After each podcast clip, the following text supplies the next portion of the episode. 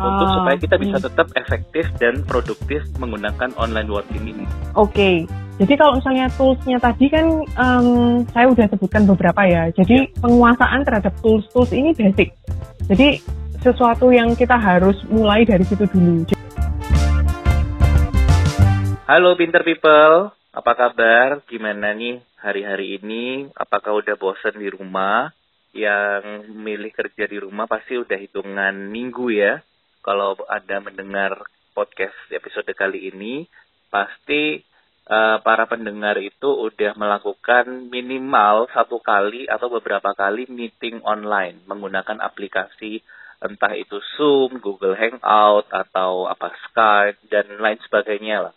Nah, eh, di Instagram juga lagi rame orang-orang posting story dari eh, ini capturean video call mereka, meeting online mereka. Nah, itu lagi rame juga di Instastory.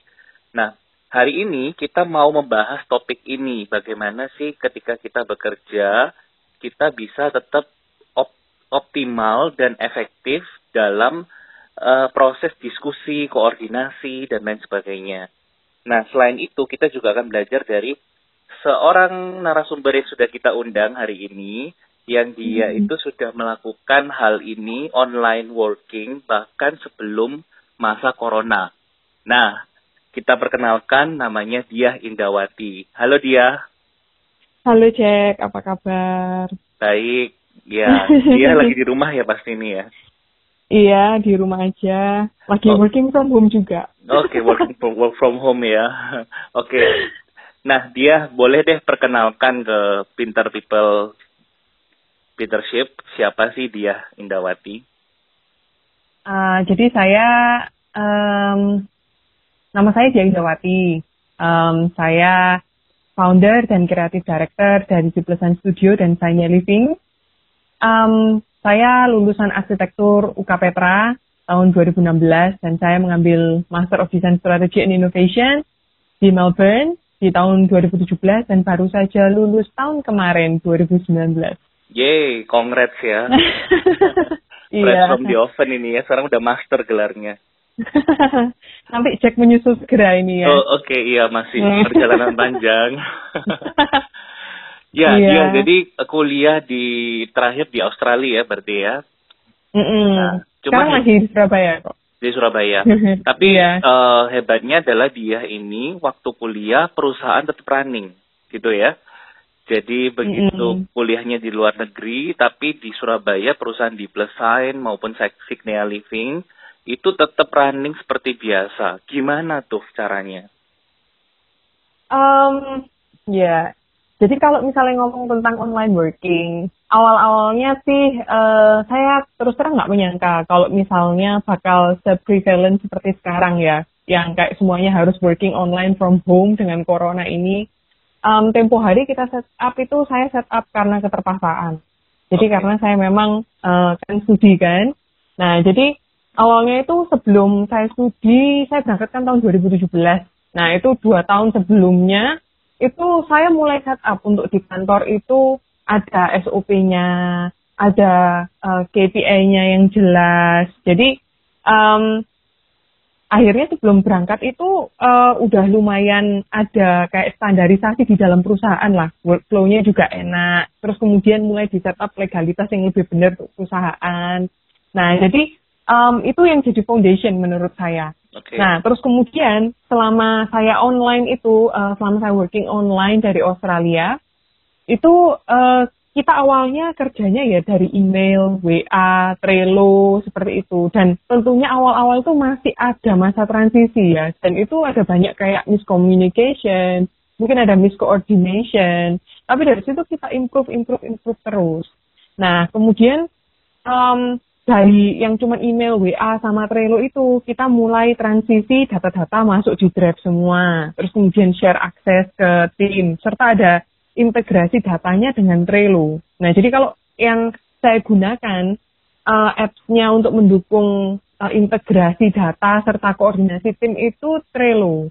Jadi kalau misalnya kita um, butuh kayak feedback yang cepat, kita biasanya by WA. Jadi kita set up WA group yang uh, dari tiap-tiap divisi itu ada beda-beda. Terus uh, kemudian integrasi data totalnya itu semua di Trello sama kita memanfaatkan Google Drive. Okay. Jadi kita koneksikan Google Drive kita dengan Trello. Iya. Yeah. Nah, um, kita juga lagi upgrade Trello-nya kita. Uh, jadi ada sistemasi yang baru untuk Trello. Nanti mungkin saya akan share uh, suatu saat nanti ke depannya ketika ini sudah settle. Uh, dan kita juga lagi upgrade uh, untuk nambah power ups juga untuk project manajemennya gitu. Nah, jadi uh, kita benar-benar kepingin integrasikan semua data Google Drive yang terkonek dengan Trello dan kemudian juga uh, ada uh, sistemasi kerja serta Trello-Trello board yang benar dan juga uh, di power up dengan uh, project management tool yang benar juga. Jadi uh, nanti semua akan terintegrasi di sana. Tujuannya seperti itu sih. Keren banget. Jadi memang disesuaikan dengan tipe-tipe pekerjaannya, ya betul ya. Iya benar. Jadi benar. ketika pekerjaan yang membutuhkan uh, feedback yang cepat, memakai WA, WhatsApp. Mm -hmm. uh, tipe untuk uh, koordinasi yang lebih detail, yang membutuhkan uh, apa uh, database yang lebih besar size-nya dan lain sebagainya itu pakai Google Drive. Mm. Dan kemudian ada Trello. Nah, Trello ini mungkin bagi aku sendiri masih asing dan mungkin Pinter People beberapa juga kurang mengerti. Kalau sekarang ini lagi ngetren kan Zoom yang di mana oh, iya, mereka bener. bisa kayak meeting online mm. atau kelihatan kayak video call conference gitu. Mm -hmm. Nah, apakah Trello itu seperti itu juga atau gimana dia? Nah, Trello ini sebenarnya uh, semacam kayak untuk uh, apa ya? Untuk apps untuk mengintegrasikan data-data uh, dan kemudian kita bisa susun datanya, kita bisa bikin things to do di sana, kemudian kita bisa delegasikan tugas di sana, dan kemudian kita bisa connect dengan Google Drive untuk data-data uh, yang kalau misalnya saya kan desain company ya, jadi ada data-data project yang bisa dikonekkan dengan uh, board-boardnya yang di Trello itu. Jadi Trello itu di arrange di dalam board-board, jadi saya create setiap board untuk setiap project dan di dalamnya itu ada um, card-card lagi gitu ya, list-list yeah. lagi. Jadi nanti bisa diorganisasi datanya dan didelegasikan tugasnya ke orang-orang tertentu. Kita juga bisa create checklist. Nah, okay. enaknya dari Trello itu dia juga ada power up power up untuk mendukung uh, project manajemennya. Tapi yeah. uh, saya ini sebenarnya nggak di endorse sama Trello ya. Jadi yeah selain Trello pun juga ada banyak tools yang lain kayak yeah. misalnya uh, Monday.com atau Asana dan itu ada plus minusnya masing-masing. Tapi saat ini saya yang gunakan adalah Trello. Tapi kalau misalnya teman-teman mau uh, cek lebih research lebih lanjut, kira-kira saya cocok yang mana? Ada beberapa alternatif yang orang sering pakai itu Monday.com, kemudian ada Asana, itu jadi bisa membantu mungkin. Oke, jadi itu platformnya lewat website atau lewat uh, Android atau iOS gitu, yang kita bisa install app aplikasinya di mobile phone atau smartphone kita. Nah, Trello itu um, bisa di-download di desktop atau laptop dan juga bisa di-download di mobile phone kita. Cuman free, ada ya? beberapa, iya free, free, okay, free, nice. free untuk uh, untuk fitur-fitur tertentu ya, yeah. seperti biasanya app-app lah. Jadi kalau misalnya ada mau fitur tambahan, jadi nanti kita mesti upgrade atau hmm. subscribe gitu kan. Ya, nah, tapi kalau uh, fitur yang hmm. free itu udah cukup lah ya untuk uh, misalnya kayak benar itu sudah cukup. Oke. Okay. Iya benar. Kalau misalnya membutuhkan kayak uh, untuk timnya yang nggak terlalu besar, terus kemudian nggak uh, butuh terlalu uh, ribet manajemennya, bisa download Trello yang free aja. Oke mm -hmm. oke. Okay, okay. Masih mm -hmm. bisa video call conference juga di Trello. Uh, kalau Trello ini nggak bisa. Jadi um, kita biasanya tandem. Kalau misalnya uh, eh, WA itu kan kita juga bisa WA call, WA video call. Nah, yeah. tapi kalau misalnya video conferencing, memang kalau di kantor kita lebih prefer pakai Zoom. Karena kan kita desain company, ya. Jadi Zoom meeting yang sekarang banyak dipakai itu. Yeah. Tapi um, selama uh, selama proses saya menggunakan Zoom ini, enaknya lagi Zoom itu fiturnya bisa dibuat whiteboard juga, bisa screen sharing. Yeah. Jadi kita bisa gambar-gambar di sana. Nah, itu sangat penting untuk uh, desain company yang membutuhkan um, penjelasan konsep itu lewat gambar. Kan itu lebih mudah untuk menjelaskan ya daripada kalau cuma kata-kata aja. Kadang-kadang miskom nanti. Betul, Jadi kita biasanya uh, untuk yang lebih detail, kita ngobrol lewat Zoom dan kita gambarin. Jadi klien pun sudah mulai ditransisikan ke sana. Yeah. Jadi ada beberapa klien yang udah bisa video call meeting um, dengan Zoom itu. Nice, nice. Dan Zoom itu Iya. konek- konektivitasnya juga cukup ini ya, cukup stabil juga gitu. Jadi Benar, dibandingkan dengan benar. yang lain. Mm-mm.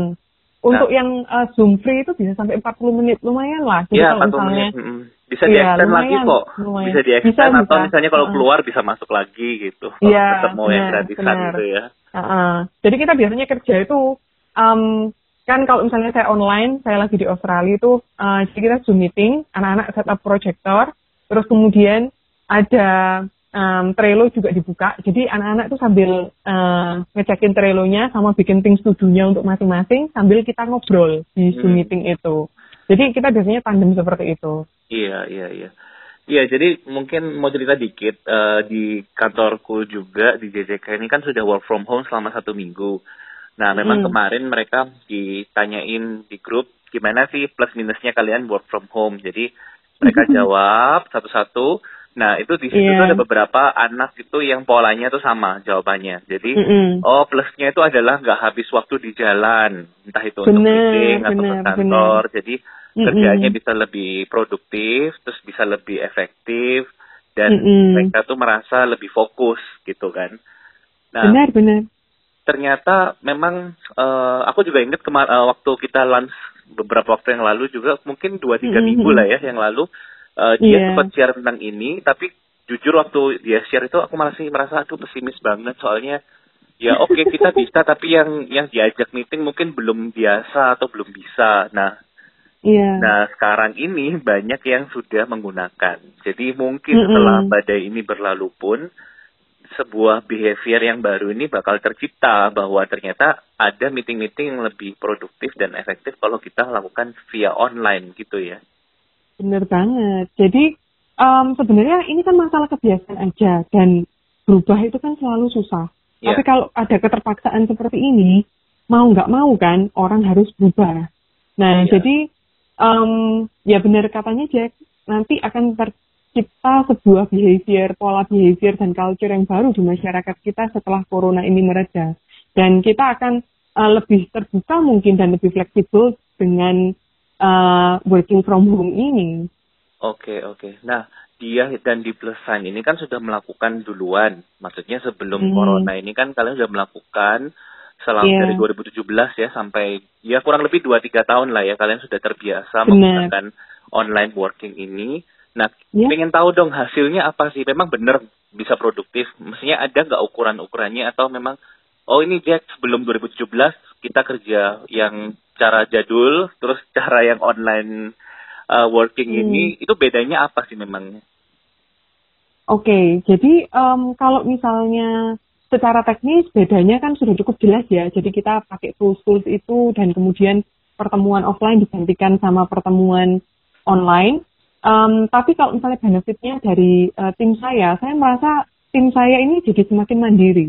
Oke. Jadi kalau misalnya sebelumnya em, kan kita terbiasa tuh kalau misalnya ketemu offline kepengennya ya kalau misalnya semua ngobrol ya langsung dikasih keputusan waktu ketemuan offline.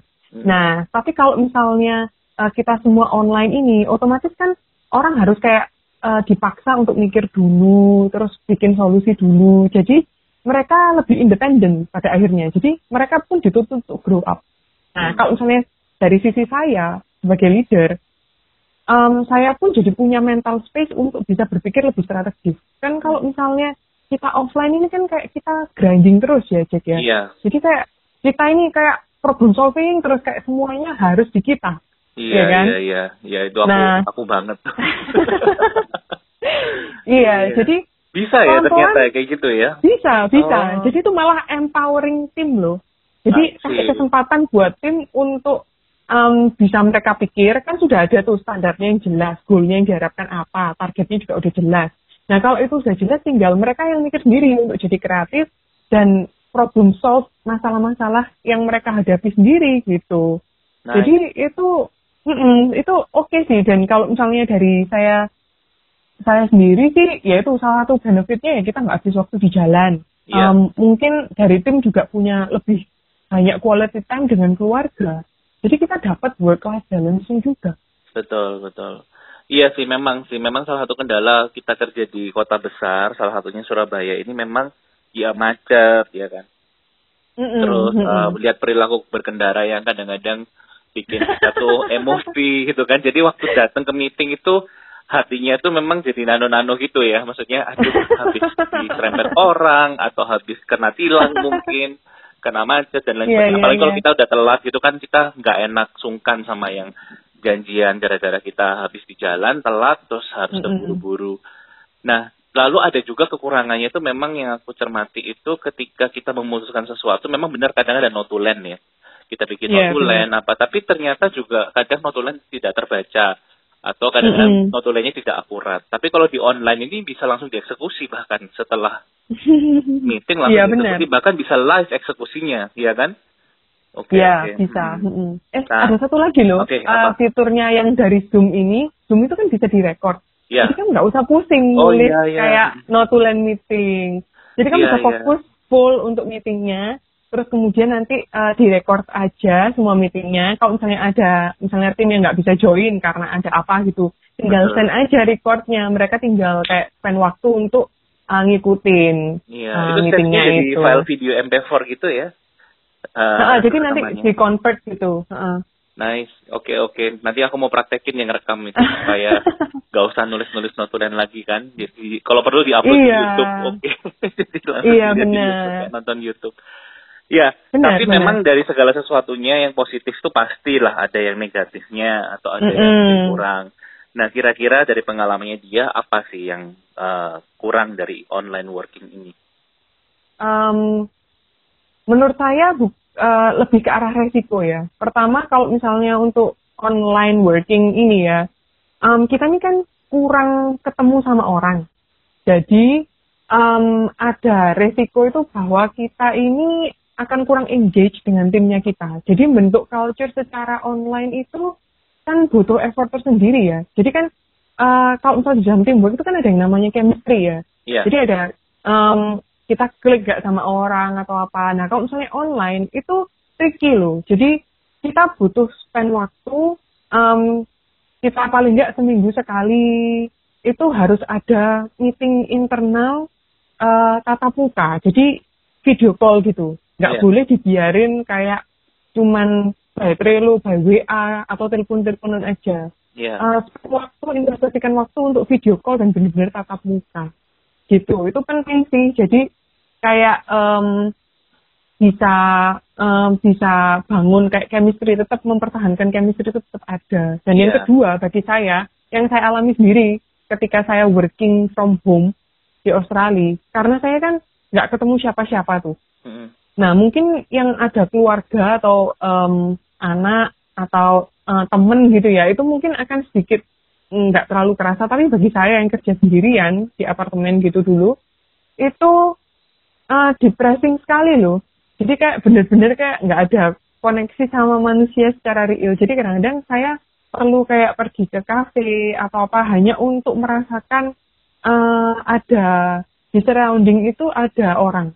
Jadi ada kayak energinya, ada vibe-nya gitu. Iya. Nah, paling nggak seminggu sekali itu saya mesti keluar eh, kerja di taman kayak atau kerja di em, public library apa di cafe gitu. Jadi saya bisa feel kayak saya itu masih engage dengan dunia gitu loh. Iya, Karena iya. itu uh-uh, itu penting banget sih kalau dari dari saya sih. Iya, normal sih. Itu very human banget. Jadi memang Mm-mm, ya kayak mm-mm. sekarang ini pun sudah hitungan satu minggu ini pun kud- eh, kudu keluar aja pengen peng- pengen keluar dari rumah pengen jalan hanya untuk nyetir keliling komplek gitu kan soalnya memang eh, bosen dan istilahnya ya kayak gitulah dulu kayak zaman sekolah kalau waktu sekolah banyak ulangan pengen libur waktu libur satu bulan pengen masuk sekolah ketemu teman-teman dan lain sebagainya ya very human Iya benar.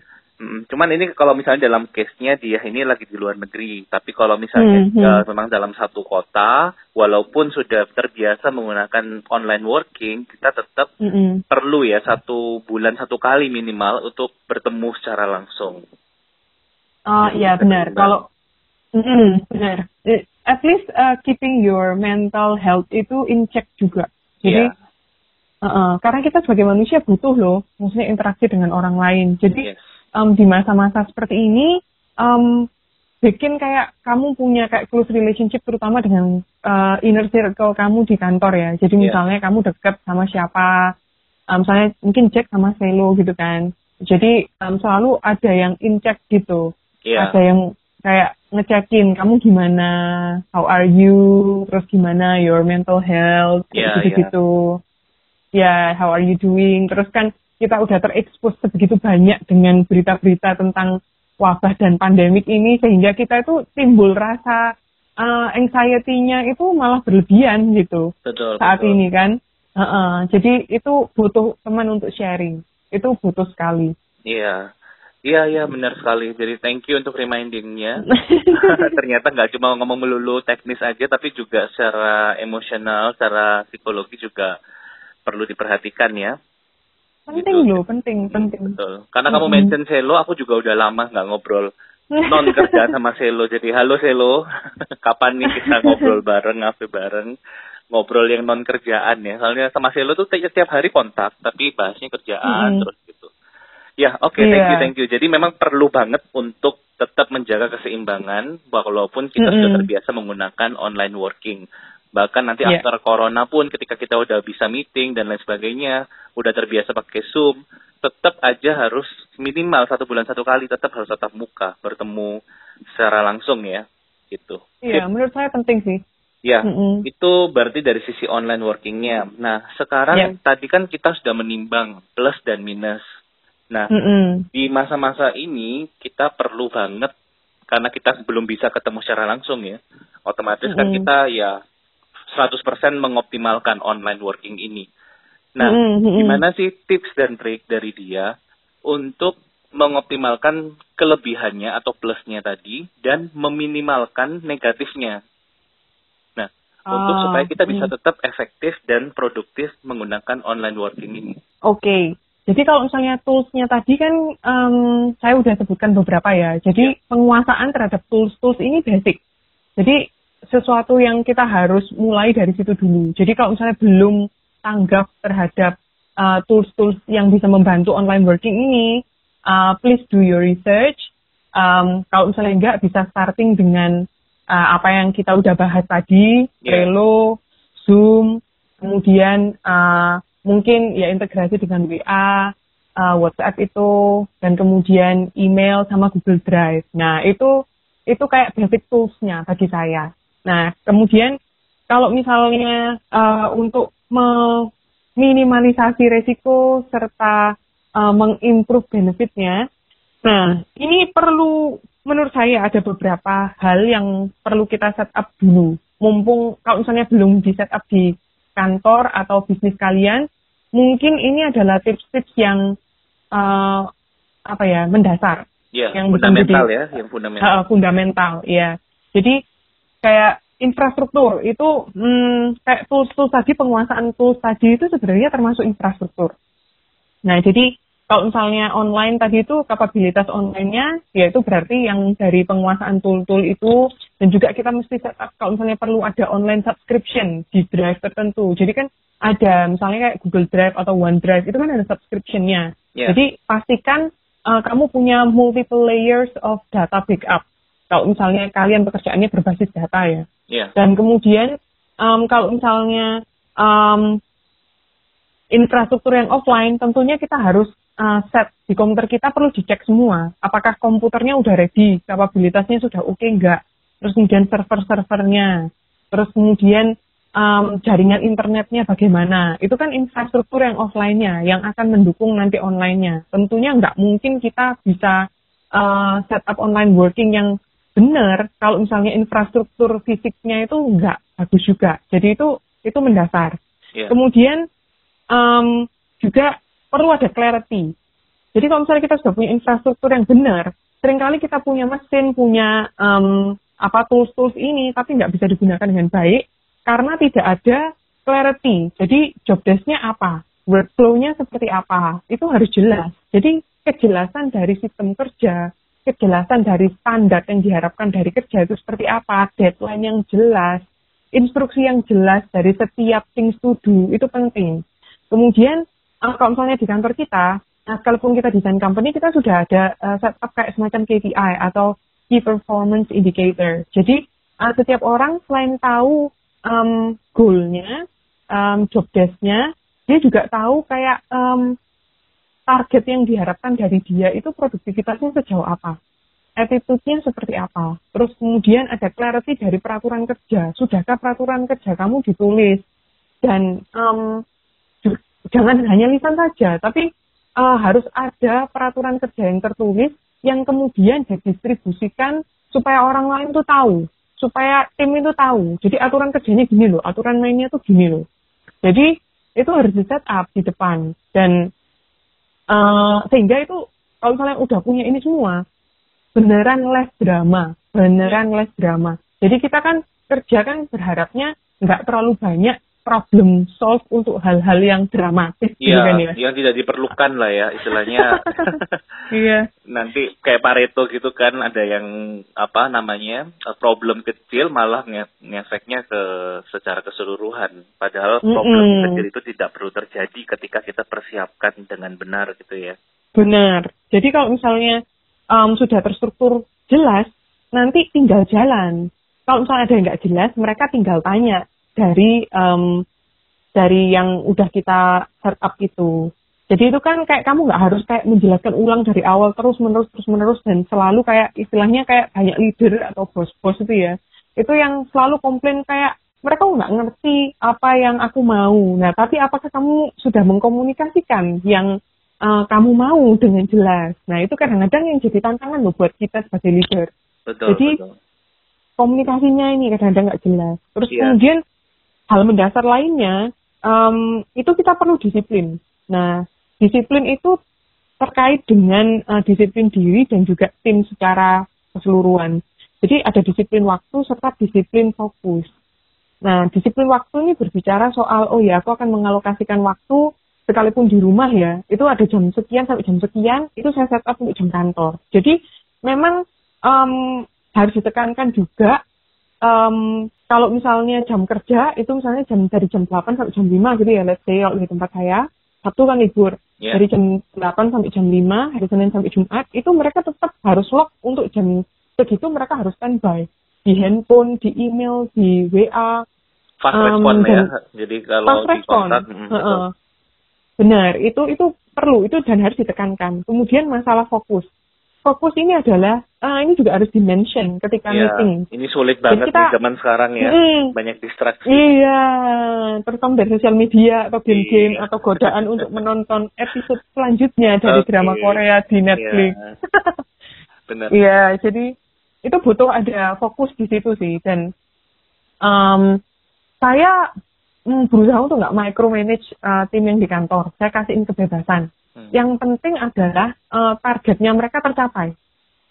Gitu. Jadi um, kalau misalnya uh, kamu mau kerja dari rumah, boleh. Um, selama kamu bisa mendisiplin diri dan targetmu tercapai. Nah, kalau misalnya memang nggak terlalu bisa mendisiplin diri, lebih suka spread out kerjaan, ya silakan. Tapi kan um, saat ini kan dengan kerja dari rumah, uh, kita memang tidak memperlakukan kayak lembur gitu. Jadi um, pada akhirnya ya diharapkan yang penting adalah resultnya tercapai sesuai dengan standar yang kita harapkan. Itu. Jadi itu terkait dengan disiplin sih. Sama uh, maintain untuk teamwork dan collaboration itu aja. Tadi kan kita udah uh, ngomongin soal chemistry itu. Nah, kita terus perlu bangun chemistry. Jadi ada investasi di meeting-meeting personal. Tetap harus ada loh kayak telepon. Jadi ya. tanyain ke uh, teman-teman yang di dalam timnya. Apakah kayak uh, teman-teman ini sudah uh, menyelesaikan pekerjaan ini, tapi lebih daripada lebih daripada itu adalah koneksi personal. Jadi kamu gimana kabar? Orang tua kamu gimana? Keluarga kamu gimana? Oke. Okay. Um, jadi, jadi walaupun harus, medianya mediumnya online, tapi konten-konten yang dibahas juga nggak melulu mm -hmm. harus teknis kerjaan kita juga bisa bangun emotional relationship juga dari benar online itu penting ya. loh Jack okay, iya ya. benar emotional relationship hmm, iya jangan mentang-mentang kita semuanya kontak online ngomongnya kerjaan terus gitu kan soalnya kalau iya, dengar kata Zoom uh -huh. kata Trello atau kata Google Drive itu kan pasti kan pikiran kita langsung oh kerja kerja kerja kerja gitu kan padahal kita juga bisa yeah. share something mm -hmm. uh, emotional yang daily life yang kita mm-hmm. perlu tahu gimana kondisi mereka, keluarga mereka, apa yang mereka rasakan, mungkin. Nah, itu bisa juga ya kita harus bahas juga. Benar. Okay. Karena kalau misalnya orangnya nggak sehat secara mental ya, maksudnya kena depresi atau anxiety ketika mereka kerja from home, mereka juga kan nggak akan um, bisa bekerja secara optimal. Yeah. Padahal sementara di waktu-waktu seperti ini, itu teamwork dan collaboration yang prima, itu yang semakin dibutuhkan. Maksudnya kita ini harus kayak apa ya, mungkin kita social distancing, tapi kita emotionally dan mentally itu harus benar-benar bersatu. Kalau misalnya enggak, kita nggak akan bisa deliver produk. Apalagi um, di tengah situasi yang susah seperti ini kan, um, banyak supplier-supplier kita, banyak uh, rekan-rekanan kita itu yang juga kayak mulai kayak um, apa ritme kerjanya itu agak melambat gitu karena um, ya mereka juga harus persiapan dengan uh, lockdown misalnya ada ataupun dengan covid ini perlu uh, ada hygiene lebih, ada rutin semprot disinfektan dan lain-lain. Nah itu kan ada waktu-waktu yang terkonsumsi di sana. Jadi um, kita harus benar-benar yang efektif dan produktif di sekalipun kita ini bekerjanya online kayak gitu. Baik baik. Balik lagi ke deep sign. Jadi uh, berapa mm -hmm. lama itu ya waktu yang diperlukan sama deep sign untuk benar-benar bisa beradaptasi dari zero, maksudnya dari satu poin start itu mm. sampai akhirnya mm. timnya itu bisa terbiasa menggunakan online working. Itu berapa lama? Hmm, kurang lebih enam bulanan. Enam bulanan. bulan ya, oke. Okay. Iya. Cukup lama hmm. ya, tapi worth worth it ya, karena sekarang dia nggak micromanage lagi ya, sudah banyak uh, timnya yeah. sudah lebih enam enam sampai dua belas bulan itu kayaknya itu yang paling optimal Jack. Okay. Uh, kalau misalnya untuk uh, ngatur transisi pola kerja ini ya, jadi yeah. supaya mereka lebih terbiasa. Um, tapi jangan khawatir, maksudnya bukan berarti sebelum 6 atau 12 bulan itu kerjaannya akan kacau balau, enggak. Oke, okay. trial Cuman, error lah ya. Masih ada trial juga. and error, hmm, betul. benar. Itu, jadi um, yang penting adalah menjaga timnya ini supaya kompak terus yeah. dan supaya tetap uh, satu visi, itu penting sekali sih. Jadi um, tetap harus ada leadership sekalipun online, betul. itu penting challenge-nya adalah gini. Uh, pertama kita ngomong internal dulu ya. Kadang tim internal kita mm-hmm. tuh atau di perusahaan-perusahaan pada umumnya itu kan nggak semua usia-usia muda yang uh, terbiasa menggunakan gadget. Ada juga usia-usia udah senior.